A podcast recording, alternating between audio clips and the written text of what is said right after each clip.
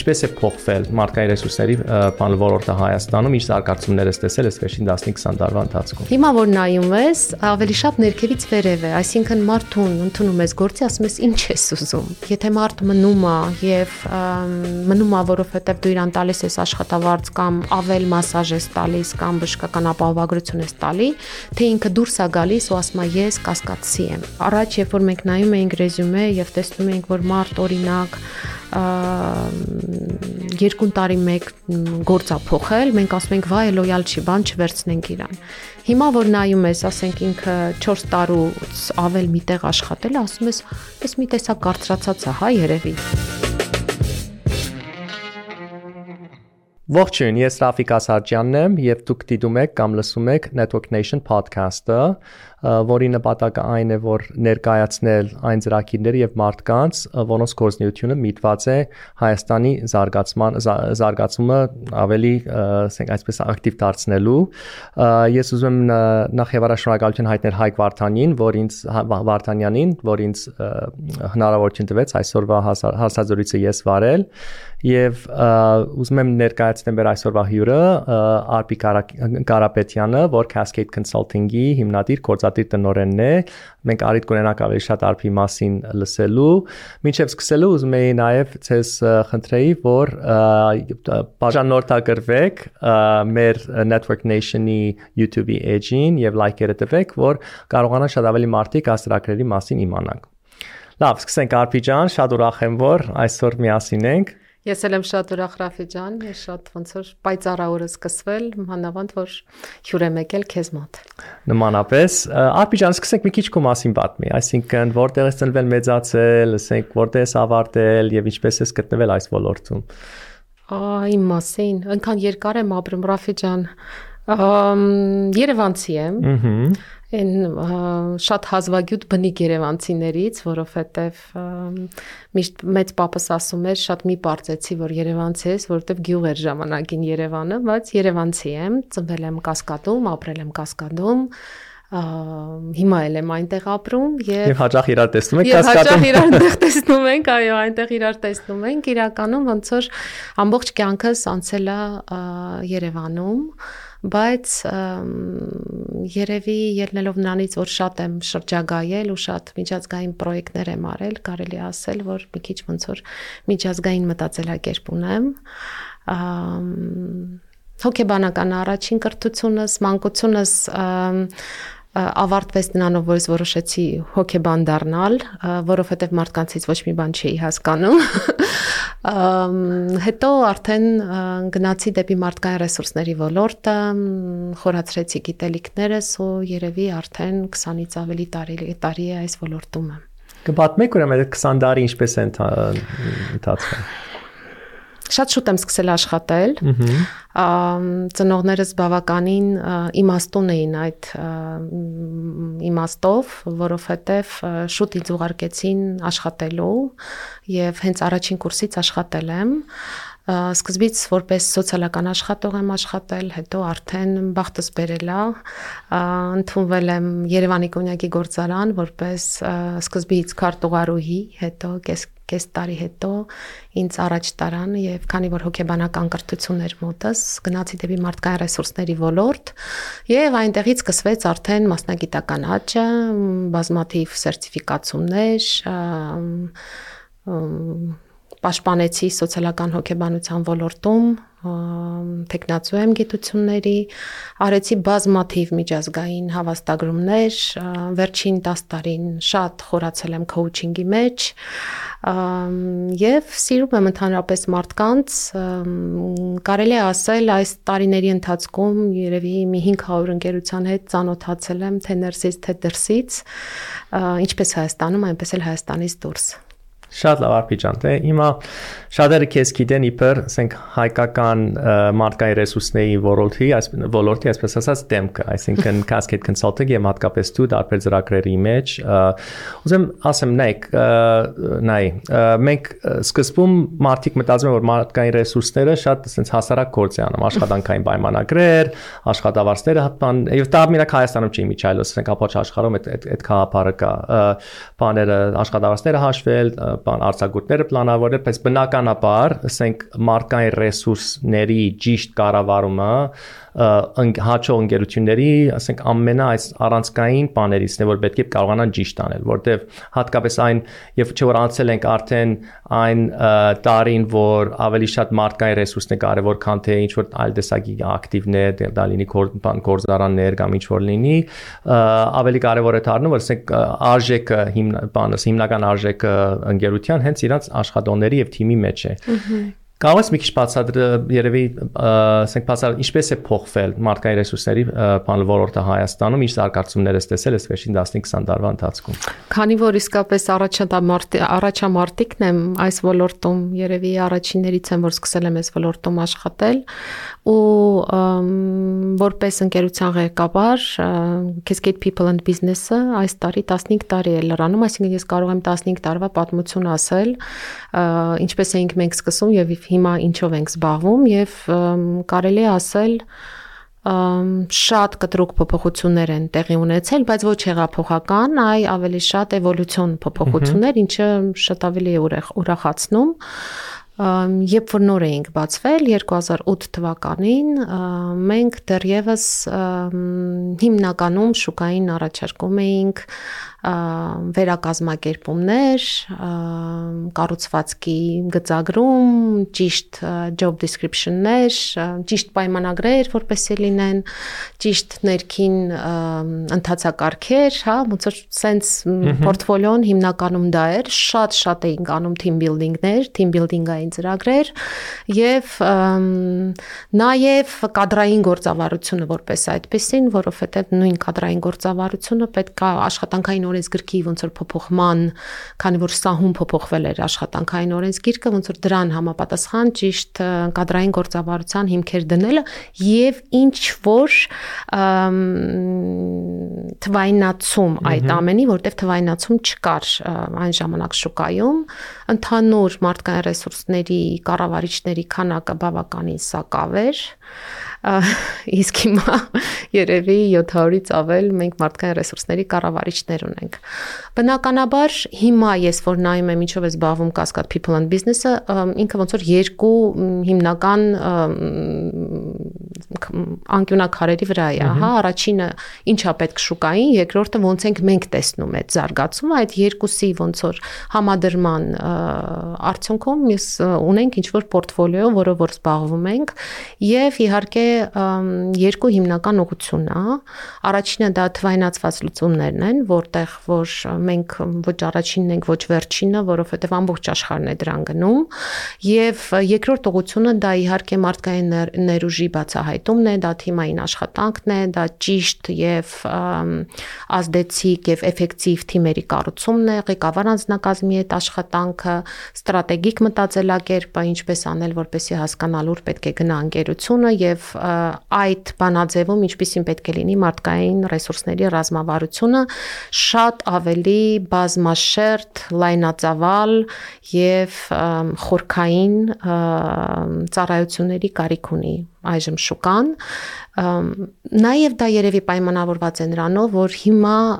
այսօրվա իրականության մեջ մենք ունենք շատ էֆեկտիվ եւ արդյունավետ եւ պայծառ մարդկային ռեսուրսների կառավարիչներ շուկայում որոնք ինքները կարող են շատ բաներ անել իրենց կազմակերպություններում եւ մեզ դիմում են երբ որ լրացուցիչ ձեռքերի կամ երկրորդ կարծիքի կարիք է զգացվում Շատ լավ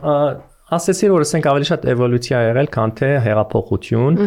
Կարող ես որոշակի դրվագների մասին պատմել, այսինքն երբ ա եղել որ դուք ասենք իբր մասնագետներ ես ոլորտում, դրթել եք ձեր հաջախորդներին կամ շուկային ինչ-որ նոր բաներ փորձել եւ հագարակը երբ եղել են դեպքեր, որ դուք տեսել եք որ ասենք ընկերությունը իրենք իրենց արդեն հասկացել են որոշակի բաներ պետք է փոխեն կամ նոր բաներ պետք է փորձեն։ Ոյ, այնքան շատ ա եղել Ռաֆի ջան։ Իրականում այսպեսի մի կարևոր մոտեցում կա երևի մեր աշխատանքում, որ որևիցե բան մենք չենք վաճառում հաճախորդը ինքը հասունանում է, գալիս է, ասում է այսպիսի խնդրեմ ունեմ կամ այսպիսի խնդիր եմ ուզում լուծեմ կամ այսպիսի երազանք ունեմ։ Ու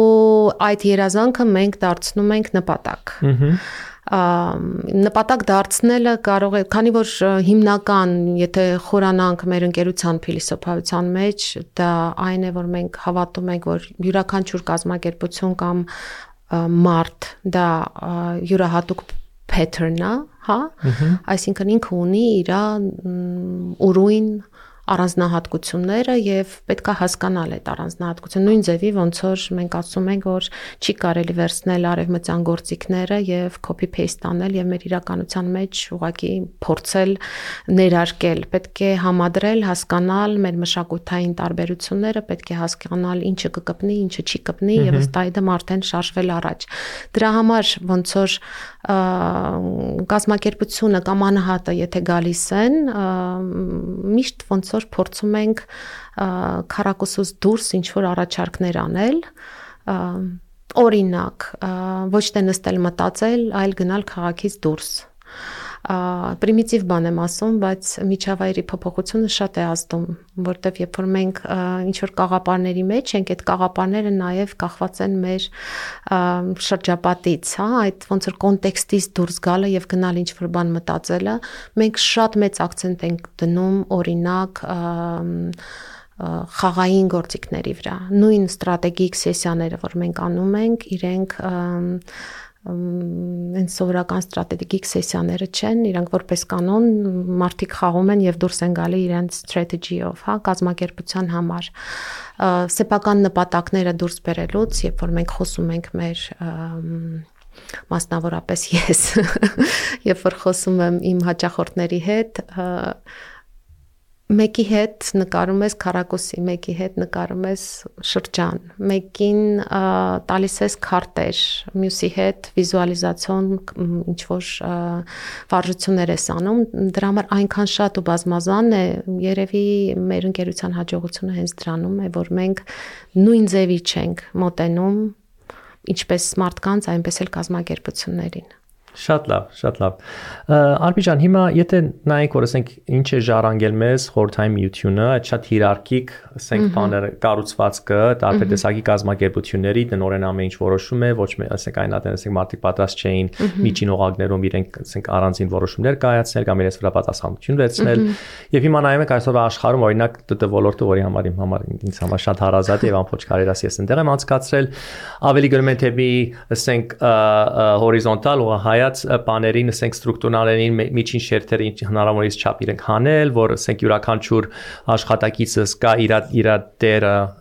եւ իր կարեւորությունը, ասենք այդ ընկերությունում եւ կարողանա այդպես ունենա ոչ թե մինակ ասենք դրսի խրախուսման, այսպես ասած, գործիքներ, բայց նաև ինքը ներսից ուզենա, ասենք, բան հասկանալով ընկերության տեսլականը եւ եւ առաքելությունը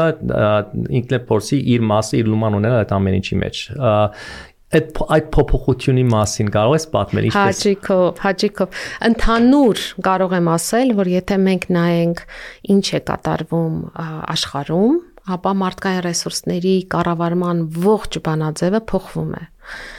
եւ կապչունի դա խորթա խորթային միությունից եկող թե առաջներում Ամերիկայում գիրառվող բանաձև է եղել թե ոչ, բայց եւ կոവിഡ്ը, եւ տեխնոլոգիաների զարգացումը, եւ բավականին մեծ տաղանդների ворսը, որը որ արդեն ոչ թե կողքի գործարանից է smart գողանում, այլ կողքի հանրապետությունից կամ Աստված գիտի ուրիշ մայրցամաքի մայրցամաքից այս ամենը բերել է նրան որ առաջ վերևից ներքև էր կառավարումը տեղի ունենում այսինքն վերևից որոշվում էր կառուցվածքը վերևից վերևից ասելով նկատի ունեմ մարդկային ռեսուրսների ոնց որ պատասխանատուն եւ ասենք գործադիր մարմինը հա որոշվում էր կառուցվածքը որոշվում էր աշխատանքի նկարագիրը որոշվում էր բիզնես process-ները որոշվում էր ամեն ինչ եւ այնուհետեւ փորձում էին գտնել մարդ, որը որ կիրականացնի այդ ֆունկցիաները, կամ ստեղծել բաժին, որը կիրականացնի այդ ֆունկցիաները եւ ճիշտ կոմունիկացիոն ինչ որ կանալներով այդ ամեն ինչը իրար հետ կապել եւ բիզնես process-ներով։ Հիմա որ նայում ես, ավելի շատ ներքևից վերև է, այսինքն մարդուն ընդունում ես գործի, ասում ես ինչ ես ուզում, ինչ ես կարող, որպեսի ինչ անեմ քո համար, որպեսի դու լինես երջանիկ ու դրա դիմաց դու իմ համար ինչ կանես, որպեսի ես լինեմ արդյունավետ ու որ վերջին ժամանակները ես նայում եմ ինչպիսի հետաքրքիր կառուցվածքներ ընդհանրապես գոյություն ունեն, կարող եմ ասել, որ այո, իրանք անհատականացված են եւ այո, մարդկանց հարցնում են եւ տեսնելով օրինակ Ռաֆին ինչ գիտի կամ Արփին ինչ գիտի եւ երկուսով պետք է աշխատեն, ըստ այդմ կարող է ստեղծեն կառուցվածք եւ ունենան արդյունավետ ինչ որ համագործակցություն։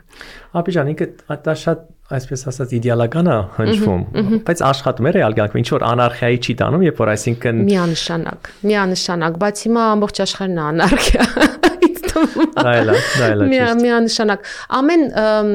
ցանկացած ստրուկտուրայի արկայությունը ավելի լավ է, քան նրա բացակայությունը։ Այդ մեկ։ Երկրորդը ցանկացած կազմակերպություն, ես դրան հավատում եմ եւ միշտ մեր ընկերությունում դա միշտ կրկնում եմ, ցանկացած օրգանիզմ ինքը ընդունակա ինքնակազմակերպվել։ Երբ որ մարդու աչքը չի տեսնում, նրա ականջը լավ լսում է եւ այդ կոմպենսատոր մեխանիզմներ իրանք միշտ աշխատում են։ Դրա համար այո, կոմպենսատոր մեխանիզմների հաշվին կազմակերպությունը գալիս է ինչ որ ժամանակ հետո էվոլյուցիոն ճանապարհով, եթե իհարկե հեղափոխություն տեղի չի ունենում եւ չփոխվում բաժնետերերը կամ ինչ որ տնորեններ, էվոլյուցիոն ճանապարհով ինքը գալիս ընկնում է տեղը եւ մենք կարողանում ենք ունենալ այն ստրուկտուրան, որը որ առավել արդյունավետ է։ Իհարկե այնտեղ միշտ լինում են ինչ որ գեփեր եւ այդ գեփերը լրացնելու համար նորից սկսվում է տաղանդների ворս, նորից սկսում են ստրատեգիկ workshop-եր եւ սկսում են մարդիկ փորձել հասկանալ լավ ելնելով մեր ուժեղ կողմերից ուր շարժվենք եւ ինչ փոխենք մեր ընկերությունում։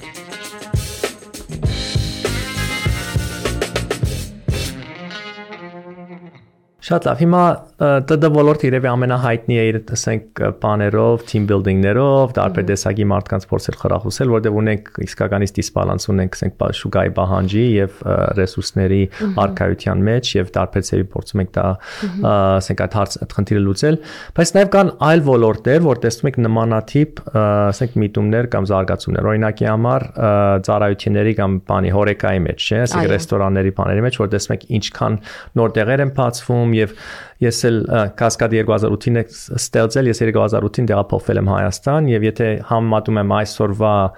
ռեստորանում, միջին ռեստորանի, ասենք, իմ փորձը համեմատում այն այն ժամանակ իսկականից հեղափոխություն եղել։ Թեգուց ինքը էվոլյուցիայով է գնացել, բայց հիմա չես ոնց որ տարբեր աշխարհների մասին է խոսքը։ Ինչ որ փորձ ունեցել եք աշխատելու, չգիտեմ, հիմա գիտեմ, որ արդեն ռեստորանտի բաներ կան, ասենք ցանցեր կան, որ տարբեր ռեստորաններ են բացում, արդեն ունեն որոշակի կենտրոնացված համակարգեր, որ օգտագործում են հետաքրքիր է, չգիտեմ, այդպեսի փորձ կա ցեր մոտ եւ ինչ կասեիր։ Գիտեմ, որ ես ու շատ եք ասել տարբեր ռեստորաններ հաճախել, մեկ այլ։ Ավելի շատ որպես հաճախորդ։ Նախ ուզում եմ ասեմ, ինչ լավ որ տեղափոխվել եք Հայաստան, ոնց որ ասում որովհետեւ իմ իմ պատկերացմամբ ոնց որ ամբողջ կյանք ճանաչում եմ քեզ, բայց արի ուտես, որ այդքան էլ վաղուց չէր, հա, ձեր տեղափոխությունը ռեստորանային ոլորտի որակական սպասարկման բարձրացումը ունեցել է մի քանի ալիք մեզ մոտ ալիքներից մեկը բնականաբար այն էր, որ մեզ մոտ կար որոշակի պահանջարկ եւ մարդիկ ուզում էին լավ ուտել, հայերը սիրում են լավ ուտել եւ տուրիստներն էլ են սիրում լավ ուտել։ Բայց բացի դրանից մենք ունեցանք ալիք օրինակ սիրիահայերի որոնք որ բերեցին իրենց հետ այդ սպասարկման որակը եւ այն ստանդարտները, որոնք որ իրանց մոտ ընդունված են, որտեվ ուզենք թե չուզենք արևելյան հյուրասիրությունը մնում է արևելյան հյուրասիրություն վերջին ժամանակաշրջանում մենք արդեն տեսնում ենք մեր ռուս ընկերներին, որոնք որ նույնպես ռեստորանային բիզնեսում բավականին հետաքրքիր ձևով մտել են եւ բերել են ուրիշ մշակույթ։ Ինձ թվում է, որ որակական բարձրացումը հենց սերվիսի, հա, այն ինչ որ ես ամենայն դեպս հետևում եմ եւ որպես հաճախորդ եւ որպես համապատասխան ծառայություններ մատուցող հենց պայմանավորված է նրանում, որ միահյուսվել են տարբեր մշակույթներ եւ կուլտուրաներ սերվիսի, որի արդյունքում կարար դառնալ շատ ավելի վատ մեր պարագայում ինքը գնալով լավանում է։ Իհարկե միանշանակ չէ որ դա ամեն տեղ է այդպես, բայց ոչ միայն ես եւ դու ենք փաստում, որ կա տարբերություն, նաեւ բոլոր այն մարդիկ, ովքեր օրինակ 10 տարի առաջ եկել էին Հայաստան, հիմա նորից գալիս են ու ասում են ոնց է փոխվել ձեր Երևանը։ Ինչը որ շատ է ուրախացնում մի փոքր պետք է իհարկե աշխատել արժեքային համակարգի վրա, որովհետև ոչ բոլոր երիտասարդներն են բնականաբար արժևորում գնալ եւ աշխատել որպես մատուցող, օրինակ, հա, ինչը որ շատ ընդունված է արտասահմանում, մեզ մոտ շատերի համար դա այնքան էլ ցանկալի մասնագիտություն չի, նույնիսկ ոչ թե մասնագիտություն, այլ աշխատանք, որ իրենք կկատարեին Բայց եկեք հասկանանք, որ եթե դրսում բոլոր ուսանողները դրանով զբաղվում են, ինչի մեր ուսանողները կարծում են, որ դա այնքան էլ հարիր չի աշխատել որպես մատուցող, ես միշտ ասել եմ այն երիտասարդներին, որոնց ուղարկել եմ ու ասել եմ գնացեք մատուցող աշխատեք, որ ամենակարևոր դպրոցն է, որովհետև դու շփվում ես տարբեր հաճախորդների հետ եւ կարողանում ես տարբեր մարդկանց հետ գտնել լեզու, որը որ հետագայում ցանկացած աշխատավայրում, ցանկացած ցանկացած բիզնեսում ամենակարևոր հմտությունն է եւ առաջ տանող ֆակտորը։ Ես հիշում եմ, որ որ նոր էինք եկել, ինձ մեզ բացատրեցին, որ ասենք ռեստորանում աշխատելը դա ոչ հարգված մասնագիտություն էր եւ այդպեսի մի բան կար, այսինքն այդ աշխատողը չէր ուզում ընդել լինել, ստիպված էր ընդել լինելու, հաջախորդը չէ որ չէր հարգում այդ բանը, ասենք այդ մասնագիտությունը, ոնց որ թե փոխադարձ ոչ հարգելի ինչ որ բաներ, հարաբերություններ էին ստեղծվում Բայց հիմա որ նայում եմ, ճիշտ ասած, ես շատ եմ տեսնում երդասարտներ, շատերը նույնիսկ ասենք իմ զավակների ընկերները, ասենք իմ աղջիկս նաև աշխատել է, ասենք ռեստորան ռեստորանային ոլորտում, որ արդեն հասկանում որ դա ոնց որ թե կյանքի մի դրվագ է, որ պետք է անցնեն եւ շատ ողջունելի է միջայլոց եւ թե զգում եմ որ արդեն իրենք ավելի հարգանքով է վերաբերվում հաջախորդի հետ եւ հաջախորդել որ ասենք ոչ ամենը, բայց ասենք մեծամասնությունը այդ հարգանքի փոխադարձ իրենք էլ են աս ուրիշ ծեվի վրա, ասենք շփում եւ վերաբերվում, որ շատ ողջունելի է։ Արփի ջան, ուրեմն մյուս հարցս վերաթարնանք այս բանի, այս ՏՏ ոլորտի այս դիսբալանսի մասին, որ խոսեցինք, այսինքն երբ որ դու ունես շատ մեծ պահանջ եւ պատասխանի մենակ ՏՏ ոլորտի մասին խոսենք, այլ ոլորտի մասին խոսենք, եւ ունես սահմանափակ ռեսուրսներ։ Հիմա տարբեր միջոցներ կան, չէ՞, մեկը անգլերեն ասում են poaching, չէ՞, կամ մի ուրիշ բառ մկա չեմ հիշում, head անգլերեն ուրիշ բառ մկա, որ փորձում ես ուրիշ ընկերություններից ոնց որ թե head head head head hunting այդ այդ ճանապարհով գնալ, մյուսը այն է որ փորձես գտնել այդպեսի աղբյուրներ, ասենք ռեսուրսների, որ միշտերը թեր չեն գտել, կամ էլ արդեն պետք է նայել, ասենք այլ շուկաներում, գիտեմ որ կասկադը այս բան այնչափ չի չի սպառում recruiting-ի զուծարայություններով, բայց նաև վստահ եմ, որ ասենք մարդկային ռեսուրսների ցերբերումը շատ կարևոր ստրատեգիական հարց է, որ հաջող ցեզ դալիս են։ Ինչ եք տեսնում, ինչ լուծումներ եք տեսել շուկայում ես, հատկապես այս վերջին տարիներում։ Ուրեմն տամ մի հատ գլոբալ պատասխան, հետո ավելի կոնկրետ, հա, գլոբալ պատասխանը կլինի լինի այն, որ նայում ես վերջին վիճակագրությունը, ինչ է տեղի ունենում աշխարհում, մասնավորապես մեր գործընկերները հրատարակել էին շատ հետաքրքիր հետազոտություն SHRM-ը, Society of Human Resource Management-ը հետազոտություն, ինչի վրա է HR-ը ավելի շատ բյուջե ծախսում։ Եթե առաջ բյուջեն ավելի շատ ծախսվում էր այն բանի վրա, որ գտնեմ մարդուն հետ հանդանեմ բերեմ, եւ ահրելի գումարներ էին ծախսվում այդ մարդուն գտնելու համար տարբեր էջենսիներով, տարբեր աղբյուրներ, LinkedIn-ի, sourcing-ի եւ այլն եւ այլն։ Հիմա ավելի շատ այդ բյուջեն գնացել է դեպի ներքին ներուժի զարգացումը, այսինքն ավելի լավ է ես գտնեմ ներսից ճիշտ արժեքներով, արդեն մշակույթային որոշակի փուլեր անցած մարդուն եւ իրան զարգացնեմ, բերեմ այն մակարդակի, որը որ ինձ պետք է, գտնեմ այդ տաղանդը իմ ընկերությունում եւ իրան ոնց որ աճեցնեմ, ոնց որ շատ հետաքրքիր տենդենց է, որը որ ես իրապես ողջունում եմ, որովհետեւ լինելով կարիերայի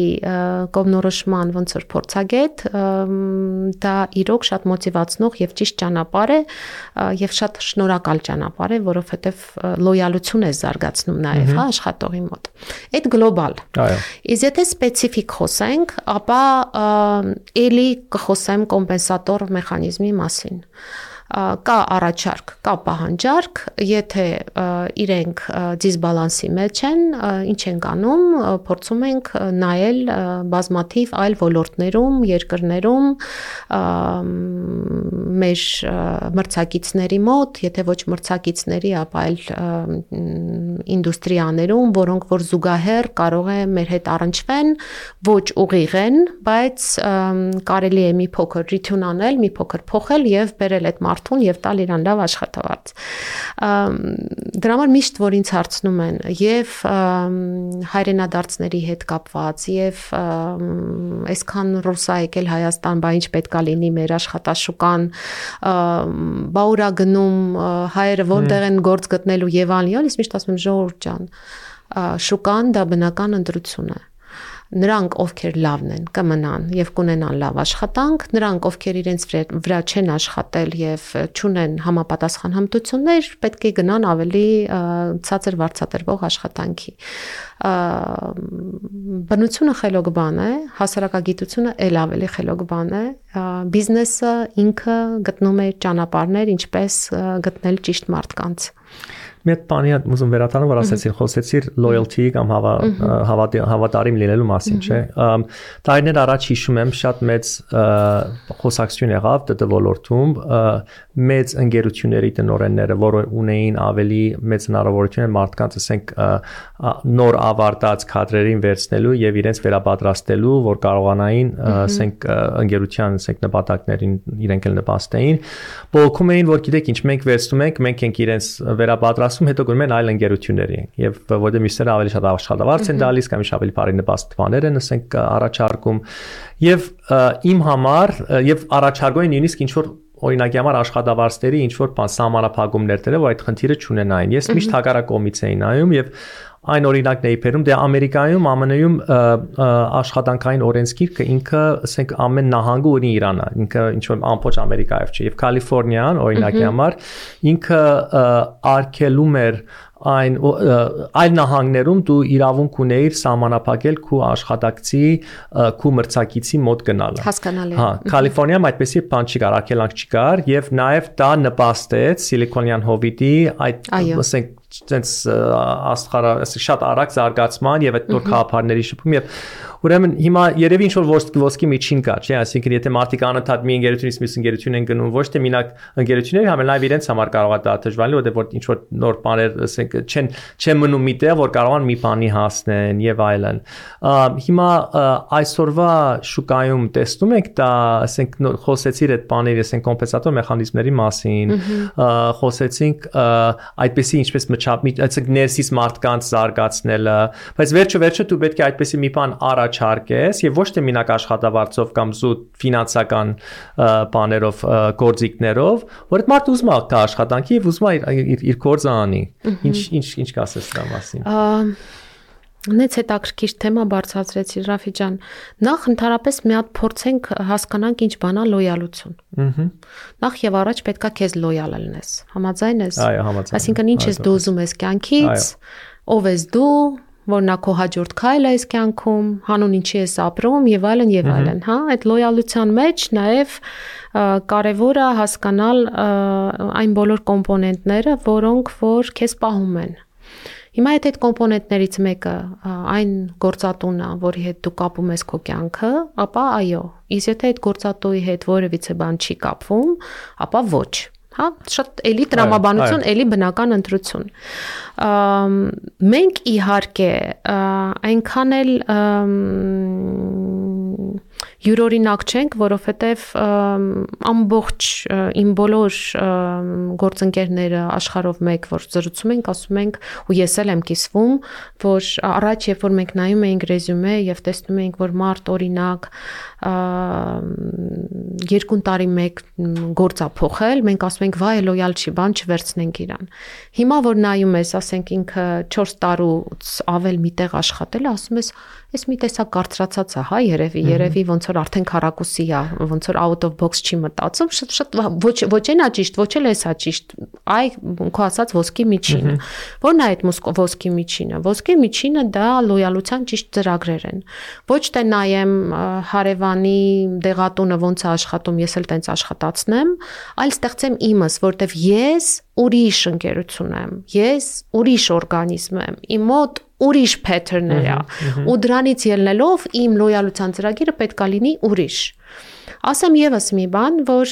սկզբում երբ որ դե մենք 15 տարի է գործում ենք, ու 15 տարվա ընթացքում Cascade People and Business-ը ունեցել է բազմաթիվ անձնակազմեր, մարդիկ եկել են, աշխատել են, սովորել են human resource, գնացել են, եւ սկզբում ես ոնց որ շատ երկար մտածում էի ոնց անեմ որ մարդիկ լինեն լոյալ եւ մնան եւ ան եւ ան նամանավանդ սկզբում մեր աշխատավարձի մակարդակները այնքան էլ շուկայական չէին հա դե նոր սկսվող բիզնես էր հետո ինչ որ պահից նայեցի շուրջս եւ տեսա քանի հոգի է մտել կասկադ դարել մասնագետ ու հիմա արդյունավետ տարբեր ընկերություններում, շատ բարձր պաշտոններում հենց մարդկային ռեսուրսների կառավարման բա զբաղվում ու Ուղղակի հասկացա, որ կասկադը ինքը փոքր է, բայց ինքը ամենտեղ է։ Ահա։ Իրա մշակույթը, իրա մոտեցումը, իրա արժեքային համակարգը, ձևաչափերը, գործիքները, այն ամենը, ինչ որ մենք բերել ենք դրսից, ադապտացրել ենք, այդ մարդիկ կրողն են այդ ամենի։ Ու բնականաբար հետո իրան գնացել են, զարգացել են ամեն մեկը իր օրոյն ճանապարով, որն է լոյալությունը եթե մարդ մնում է եւ մնում է, որովհետեւ դու իրան տալիս ես աշխատավարձ կամ ավել մասաժ ես տալիս կամ բժշկական ապահովագրություն ես տալի, թե ինքը դուրս է գալիս ու ասում է ես կասկածի եմ։ Լոյալությունը ինքը ոնց որ շատ տարօրինակ բան է, երևույթ է։ Պետք չի մարդուն պահել, պետք է հասկանալ ոնց կարելի է իրան պահել, բայց կարճել էլ պետք չի։ Իսկ եթե չզարգացնես, հետո ով է քեզ արդյունք տալու։ Ուզած չուզած պիտի զարգացնես։ Դա երևի նաև սերունդային բանգաստ է, այսինքն ես հիշում եմ, որ ասենք նոր էի մտել աշխատանքային շուկա, դե ամփոփ ասենք ու պատրաստվելը կորձի ընդունվելը այն էր, որ ասենք այս ընկերությունները ինչ են փնտրում, ինչպես պետք է հարցազրույցը հաջող անցկացնես, ինչպես պետք է քեզ ներկայացնես եւ այլն, եւ շատ քիչ է մտածում, որ լավ, ես ինչ եմ, ես իմ պահանջները որն են, այսինքն ես ինչպես պետք է գնահատեմ տարբեր ընկերությունների առաջարկները եւ ոչ ոչ թե մենակ ֆինանսական Հիմա եթե այդ կողմից նայենք, մի քիչ խոսեցինք սրա մասին, երբ որ խոսում էիր այն, որ ասենք աշխատակիցը եւ ասենք ղեկավար գազը կամ ընկերությունը պետք է միասին ասենք ծևագերբեն որն է նպատակները եւ ինչ տիպի այդ մարդը ինչպես կարող է նպատակներին հասնելու։ Հիմա ինչ խորհուրդ է տալիս կամ ծեր ընկերությունը ինչ խորհուրդ է տալիս այն ընկերություններին, որ իրենք ավելի գրավիչ դառնան, ավելի ճիշտ ծևի կարողան իրանց ներկայացնել, որ ճիշտ մարդկանց կարողանան ներգրավել եւ եւ ընդունել աշխատանքի։ Ամենաառաջինը չի կարելի խոսել սուտ։ Խոսիր այն ինչ որ կա եթե անդրադառնանք նույն design thinking-ի հիմնական սկզբունքներին, ցանկացած բացասական կողմ ունի իր դրական արտահայտությունը։ Եթե ես օրինակ ասում եմ, որ ես տակարյուն եմ, ու դա բացասական կողմ է, դա նաև նշանակում է, որ ես ջերմ եմ որը դրական է, հա։ Դրա համար ուղակի վերլուծել կազմակերպությունը, հասկանալ իր բոլոր բացասական կողմերը եւ գտնել դրա դրականը։ Դրականի հիման վրա ստեղծել բանաձև, որը կարելի է հрамցնել շուկային եւ աշխատողներին, ոչ թե խափել այլ պատմել, որտեվ ցանկացած հորետեսություն լինի դա թե ընդհակառակը, հա, դրական կողմնորոշում, պոզիտիվիզմ, բաժակը կիսատ կիսատա թե կիսատ լծվածա թե կիսա դատարկա, այ պետքա ցույց տալ, որ ինքը լծված է։ Այո որտեվ եթե նեգատիվի վրա շեշտը դնել, բնականաբար կամ նեգատիվը քողարկելու համար խոսալ ինչ-որ բաների մասին, որոնք իրականում չկան, սուտը 7 օր ապրում ու կոմունիկացիոն կանալներ։ Շատ կարևոր է կոմունիկացիոն կանալները, որովհետև ես տենց մի հատ ելույթ ունեմ կոմունիկացիոն կանալների մասին, որ երբ որ կազմակերպությունում ճիշտ կոմունիկացիոն կանալները չեն գործում, մենք բացում ենք դռներ բազմաթիվ մանիպուլատիվ եւ բամբասանքային մտնոլորտին, որտեղ մարդիկ ուզում են իմանալ ինչա տեղի ունենում։ Եթե իրանք դա չեն իմանում ճիշտ կանալներով, նրանք սկսում են ենթադրել։ Այո իսկ ցանկացած ենթադրություն բերում է շատ սխալ արդյունքների։ Շատ ճիշտ ես։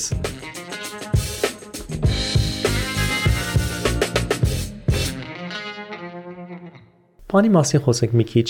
մարդկանց պրոֆեսիոնալ աշխատանքի քննադատման process-ների մասին։ Ես հիշում եմ, որ նոր է եկել, շատ մենք, ասենք, մենք իրականացրեցինք այդ տարեկան annual review-ի կապարը, որ շատ մարդկանց համար դա շատ տարօրինակ էր, ասենք, յանքում այդպեսի բանով չէին շվե երևի բանից հետ դպրոցից հետո կամ համասարանից հետո երբ որ քննադատական ներկային տարվա վերջին այ տեսնում ես փոփոխություն որ ասենք դրանք արդեն այդ խաղապարը մոտեւոր ինչով է ինքը կարևոր ոչ թե մինակ որ ասենք բանը կորցատուն կարողանա ասենք իր աշխատակիցների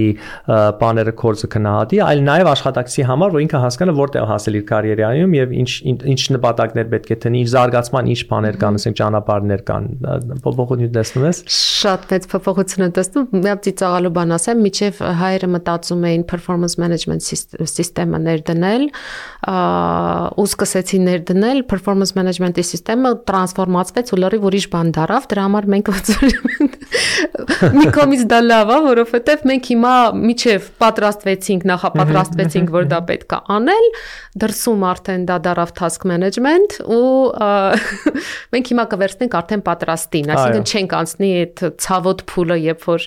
ամիսներով մարդուն հետադարձ կապ էին տալիս ու ինքը բյուրոկրատական ինչ որ թղթեր էր լրացնում ու ամբողջ ասենք արևմուտքը զզվում էր այդ process-ից, հա, ֆորմալացված ինչ որ բաներ էր։ Իրականում կարճացել է ժամկետը հետադարձ կապ տալու եթե խոսանք տենդենսների մասին, հետադարձ կապ տալու ժամկետը կարճացել է։ Ես հիմա ասում եմ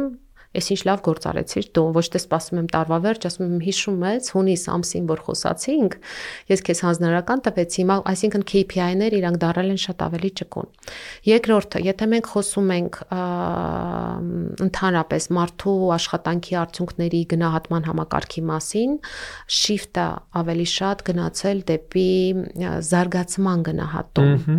եւ ոչ թե արդյունքների գնահատում, որովհետեւ արդյունքները իրան գնում են դեպի task management, արեցիր, չարեցիր, շնորհակալություն, իսկ զարգացումը ինքը գնում է դեպի performance management, տարվա վերջ գնահատեմ ինչ ես սովորել, ուր ես հասել, ինչ ավելի skiller ունես եւ այլն եւ այլն, եւ ինչա քեզ պետք ավելի լավ քո task management-ը անելու համար։ Շատ հետաքրքիր է, դեռ ինքը այդ ոնց որ ուղությունը դեռ խմոր է, բնականաբար ոչ թե մենակ ստեղ նաև արևմուտքում ամենտեղ հա OKR-ը չէ ասենք objective key results-ը որ շատ ավելի շատ task management-ի այո այո այո շատ sense խմոր է բայց ինչն է հետաքրքիր ես հիմա որ երկու օրից գնում եմ շերմի conference-ին որտեղ որ չգիտեմ 50000-ից ավել HR-ներ են լինելու եւ մեծ HR expo-ա լինելու ինձ հետաքրքիր է ուղակի տեսնել ինչպիսի տարբեր բանաձևերով են տարբեր ընկերություններ հանդես գալի եւ ինչ նոր պրոդուկտներ կան, որովհետև խմորվում է, ինձ թվում է, միջև տարվա վերջ մենք ինչ որ նոր բանի մասին ենք խոսալու աշխարհով մեկ։ Երևի նաև մի քիչ առաջ ասենք COVID-ի փառը հնչեցիր, Հիմա ասենք երևի հիմա մարդ որ տեսնում եք որ դիմակ է գրում փողոցում զարմանում եք, չէ՞, բայց այն ժամանակ ասենք մեր ամբողջ, excuse me, իրականությունը փոխվեց, Խոսենք COVID-ի ազդեցությունը, ասենք հենց այդ ընկերությունների կոզնեության վրա մարդկային ռեսուրսների կառավարման պահով լրիվ անցանք ոնց որ թե բանը, ասենք տնից աշխատելու ռեժիմին, հետո տեսանք որ COVID-ը անցավ, այդ վտանգը անցավ, բայց մարդիկ թե ընկերություններ, թե աշխատակիցներ, թե ասենք որոշ բաներ ուզում էին պահեին COVID-ի ժամանակից, ինչ ինչ տենդենսներ ես տեսնում են դա։ ընդհանուր մարդկային ռեսուրսների բնագավառի տենդենսները իհարկե շատ-շատ են պայմանավորված կ ូវ իդով։ Առաջինը դա իհարկե հաղորդակցման ձևաչափն է աշխատողների հետ եւ մեծ խնայողությունները բիզնես տրիփերի վրա որովհետև կարելի է լիքը բան անել on-line-ում։ Ես ինքս կարող եմ իմ գործնեությունից ելնելով, չնայած շատ-շատ եմ ճանապարհորդում այս վերջին 3 տարին, բայց այնուամենայնիվ շատ հարցեր լուծվում են on-line եւ շատ ավելի արդյունավետ է դա բացի հաղորդակցումից նաև աշխատողների ներգրավման ձևաչափն է շատ փոխել, փոխվել է աշխատանքային ռեժիմը, փոխվել է կոմպենսացիոն մեխանիզմները, այսինքն ոչ թե 9-ից 6-ը ստուգեմ քանի ժամ ես աշխատում, այլ նայեմ ըստ արդյունքների նույն task management-ի արդյունքներով նայեմ ինչ ես արել, ըստ այդմ քեզ վարձատրեմ։ Փոխվել է զարգացման ծրագրերի ամբողջ տրամաբանությունը, փոխվել է բնականաբար անհատական այդ wellness ծրագրերն են մտել, որտեղ որ մենք հոգեկան, ֆիզիկական, սոցիալական առողջության մասին ենք մտածում, որտեղ սոցիալական առողջությունը ինչ որ պահի դարավ բավականին լուրջ խնդիր, մարդիկ իրար հետ չէին շփվում ու հետո բոլորը գծվեցին դուրս եւ սկսեցին ակտիվ շփվել, բայց այդ միջ ոսկի միջինը, երբ որ կա սոցիալական միջավայր, որտեղ որ դու կարող ես ինքնաակտուալիզացնես քո պահանջները, մարդ տեսնելու, մարդ գրկելու, շփվելու եւ ստանալու, հա, այդ ներուժ ու եւ այդ էմոցիաները, որոնք քո համար կարեւոր են, բայց միաժամանակ կարողանաս գործ անես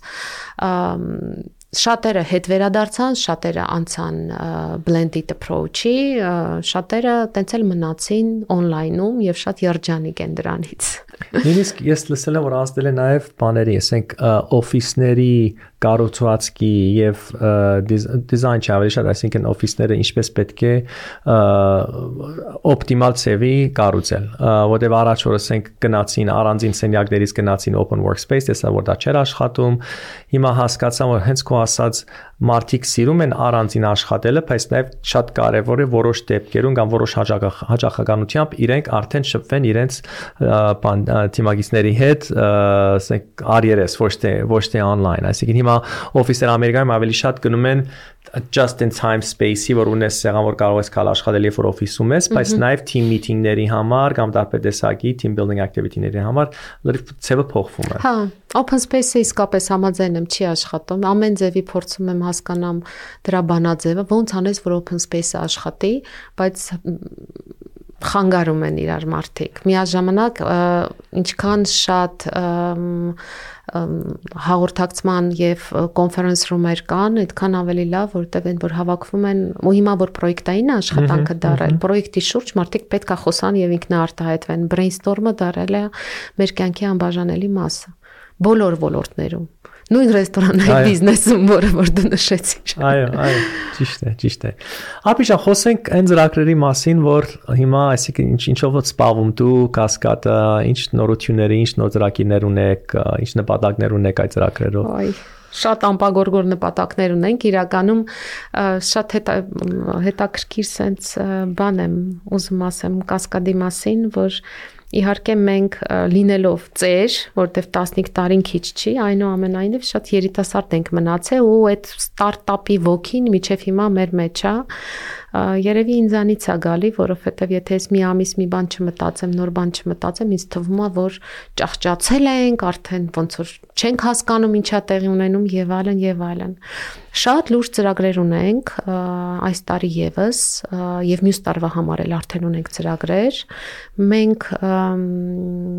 փաստորեն անցած տարի ներկայացրեցինք շուկային մեր աշխատավարձերի ուսումնասիրման հարթակը, որը որ մեր հավատալով հեղափոխական ընդհանրապես բանաձև է աշխատավարձի շուկայի աշխատավարձերի ուսումնասիրման ոլորտում ջոբի հարթակն է, որը որ գնալով ավելի ու ավելի շատ հետևորդներ ունի եւ շատ հավատում ենք մենք այդ ծրագրին եւ նաեւ գիտենք, որ դա միայն Հայաստանի համար չէ, նա ընդհանրապես գլոբալ փոփոխություններ բերող հարթակ է պատրաստվում ենք մեր գներես մեր մասին խոսենք հիմա այդ ճոբի հարթակում ինչպես այսինքն ով այն ընկերությունները որ պատրաստ են իրենց տվյալները ասենք բանալ ցես տալ որ դու կարողանաք մշակեք եւ համեմատեք իրենք են օգտվում արդյունքներից չեն ինչպես է այսինքն այդ քապը Հա պատմեմ բանաձևը իրականում ինքը HR-ների համար է, այսինքն այն մարդկանց համար, ովքեր պատասխան են տալի աշխատավարձի սանդղակի համար, հա, կազմակերպության ներսում։ Որոնք որ benchmark են ստուգում եւ փորձում են հասկանալ, օրինակ, իրանց senior programmer-ը ինչքան պետքա ստանա, հա։ Սակայն տերը ընկերությունն է, այսինքն HR-ը մտնում է գրանցվում է կազմակերպության անունից եւ կազմակերպությունը ունենում է access կոնկրետ հարթակին։ Ի տարբերություն մյուս բոլոր աշխատավարձերի ուսումնասիրման բանաձևերի, որոնք որ կան, հա, աշխարհով մեկ անհատական են ջոբերը։ Այսինքն, եթե քեզ հետաքրքրում է կոնկրետ ինչ-որ մասնագիտություն, կոնկրետ ինչ-որ position, դու մտնում ես, տալիս ես քո տվյալները, իսկ տվյալները այնպես են տրվում, որ ի սկզբանե այնտեղ լցված է ամենալայն job description-ը, որ կարող է լինել այդ պաշտոնի մասին։ Ու դու ընտրում ես ու customize ես անում, որնա քո պաշտոնի սպეციფიკաները որի արդյունքում հետո կարող ես ֆիլտրես ու հասկանաս այս կոնկրետ մասնագիտական ունակությունները կամ այս կրթությունը կամ այս ֆունկցիաները կատարող մարդը ինչքան արժե շուկայում։ Ու քանի որ ինքը անհատական է, այսինքն ոչ թե անհատական է, այլ դու ինքդ կարող ես ընտրես դու 10 position ես ուզում, մի position ես ուզում, 20 position ես ուզում, բնականաբար շատ մեծ դինամիկություն է տալիս ցանկացած մտնողին, որպես ինքը կարողանա դա լրացնել եւ իր բյուջեի սահմաններում ստանա այն տվյալները, որ ուզում է։ Շատ հեշտ է։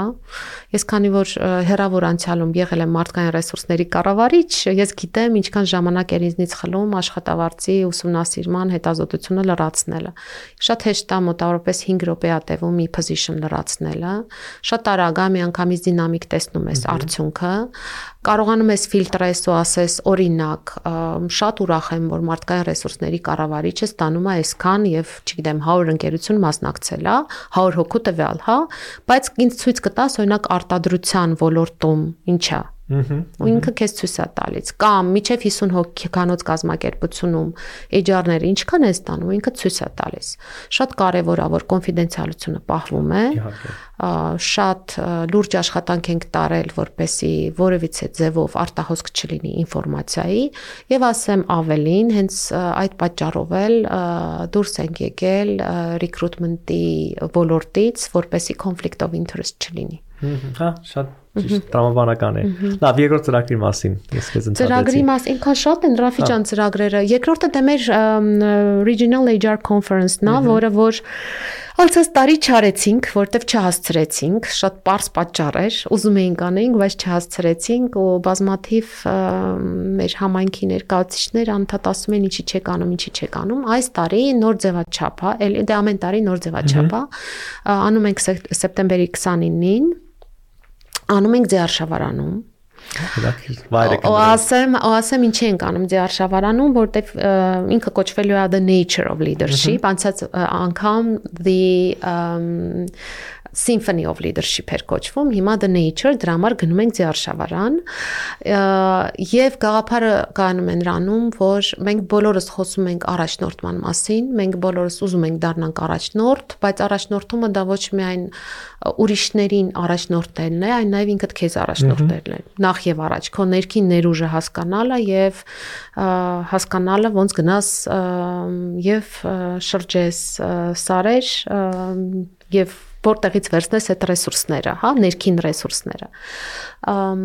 Մենք որոշել ենք եւ մենք դա անում ենք, արդեն ունենք բոլոր պայմանավորվածությունները բերել եւ Հայաստանում կենտրոնացնել լիդերության զարգացման բոլոր ալտերնատիվ մեթոդները, որ կան աշխարհով մեկ։ Իհարկե ամբողջ աշխարհը փակել չենք հասցնի, բայց մեզ մոտ շատ հետաքրքիր մաստեր կլասեր է սպասվում, ոնց կարելի է կոնկրետ ինչ որ բաներ փորձելով ինչ որ բաներ հասկանալ քո մասին։ Այսինքն լեկցիաներ չեն լինելու, տրեյնինգներ չեն լինելու, լինելու են ակտիվ փորձարարական մաստեր կլասեր, որտեղ մարդիկ կոնկրետ բաներ են փորձելու, լինի դա բարի միջոցով, լինի դա դիու հետ շփման միջոցով, լինի դա պատմություն պատմելու միջոցով, լինի դա էներգիայի վերահսկման միջոցով եւ այլն եւ այլն։ Սիրով կսպասեմ քեզ։ Մեծ մեծ հաճիկով, մեծ հաճիկով։ Եվ տարածաշրջանային է, այսինքն դուք ունենում եք մասնակիցներ, ասենք հարևան երկրներից կամ Շատ-շատ երկրներից իհարկե մենք պատերազմից հետո սահմանափակվեցինք միայն Հայաստանով, բայց մենք 10 տարի շարունակ Իրան մենք ի սկզբանե Իրան անվանում էինք տարածաշրջանային, բայց ինքը վաղուց արդեն international է, որովհետև 40-ից ավելի երկիր մեզ մոտ մասնակցում են Ուղղակի պատերազմից հետո մենք Symphony of Leadership-ը արեցինք միայն հայերի համար։ Հիմա էլի բացվել ենք։ Շատ լավ։ Արփի ջան, հիմա աղջիկս օրինակ հասարակագիտություն է սովորում բանում համասարանում եւ եթե դու իրեն ուզում էիր բացատրեիր մարդկային ռեսուրսների ոլորտը ինչով է գրավիչ, ասենք այն մարդու, որ ասենք ինչպես նշեցիր քո քո background-ով հոգեբանություն, հետո բանը, ինչպես կներկայացնեիր քո ծեր մասնագիտությունը, ասենք այս հաջորդ սերունդին, որ մտածում է, օքեյ, ես ինչ պիտի անեմ իմ կյանքում։ Ես չգիտեմ տղաս նայելու այս հաղորդումը ոչ, բայց ինքը շատ երկար, երբ որ իրան հարցնում էին մաման, papan ինչով է զբաղվում, ինքը շատ կոնկրետ պատասխանում էր, բայց մաման ինչով է զբաղվում, ինքը ասում էր մարդկանց հետ ինչ որ բան անում։ Հիմա մենք մարդկանց հետ ինչ որ բան ենք անում, եթե շատ general ասեմ, բայց ինչ է մարդկային նախ ով պիտի գնա մարդկային ռեսուրսների ոլորտ։ Այն մարդը, որը որ սիրում է մարդկանց, ու որտեղ այն մարդը ու մոտ կոմբինացված է աճ եւ ցաղ կիսագնդերը ուղեղի, որովհետեւ ինքը հումանիտար չի։ Ահա բայց ինքը նաև ճշգրիտ գիտություն չի։ Ինքը միջ ոլորտային կառավարման ոլորտ է, որտեղ որ դու պետքա եւ հաշվարկներ անես, եւ հասկանաս բյուջե, եւ հասկանաս strategy, եւ կարողանաս տրամաբանական ինչ որ կապեր ստեղծես եւ align անես քո մարդկային ռեսուրսների, մարդու մարդկային կապիտալի կառավարման ոլորտը ընդհանուր բիզնես նպատակների հետ եւ միաժամանակ շատ լուրջ գաղափարներ գեներացնես, ունենաս քարակուսուց դուրս մտածելակերպ եւ ստեղծես նոր ապրանքներ եւ նոր կոնցեպտուալ բաներ։ Դա համար ինքը շատ սխալ որոշ մարդկանց մոտ իհարկե, ոչ բոլորի, շատ սխալ պատկերացում է, որ մարդկային ռեսուրսների ոլորտը հումանիտար է։ Այդ պատճառով է, որ շատ հաճախ մարդկային ռեսուրսների կառավարիչներին չեն ընդունում որպես բիզնես պարտներ։ Ինքը հումանիտար չի սիրել մարդուն, հասկանալ ստրուկտուրաներ, հասկանալ process-ներ եւ անել այնպես, որպեսի բիզնես նպատակները համահունչ լինեն մարդկային նպատակներին։ Շատ լավ հոյապ, ես ես պիտի խնդրեմ իմ աղջիկա, որ աս հաղորդում ունայի, հատկապես քոնի այս վերջի մասը նայ, որ այդ փաստադրությունը շատ լավն էր։ Շատ լավ Արփի ջան, շատ հետաքրական զրույց էր։ Համար հուսով եմ նաև մեր լսոնների համար կամ դիտողների համար։ Ուզում եմ շնորհակալություն հայտնեմ, որ այս ժամանակը տրամադրեցին, ինչպես առաջ նշեցի նաև Հայգինել ուզում շնորհակալություն հայտնել, որ այս արիտը ինձ տվեց եւ հույս ինձ արդեն գիտեմ որ մի անգամ որ ասենք կինո բաժակի շուրջ հանդիպենք, ինչ թեմաներ նաև կարելի է խոսել։ Շատ շնորհակալ եւ քեզ հաջողություն եմ մաղթում այս ամեն ծրագրի հետ, որ դուք իրականացնում եք եւ այս Ամերիկայի այդ կոնֆերանսին որ գնում եք, չէ՞ շուտ։ Հա, գնում ենք, հա։ Ես եմ շատ շնորհակալ շատ ոնց որ մեր կասկադի ծնունդը միասին նշելու համար, որովհետև 15 տարին քիչ չի եւ ինձ հաճելի էր այդ ծնունդը նշել քեզ հետ նմանապես շնորհավորում եմ ծնունդին 15 տարվա եւ նորից ինչպես նշեցինք սկզբում եթե չեք բաժանարկագրվել խնդրում եմ բաժանարկագրվել եւ like տվել network nation-ի եւ ես սպասում եմ հաջորդ հաղորդումներին շատ շնորհակալություն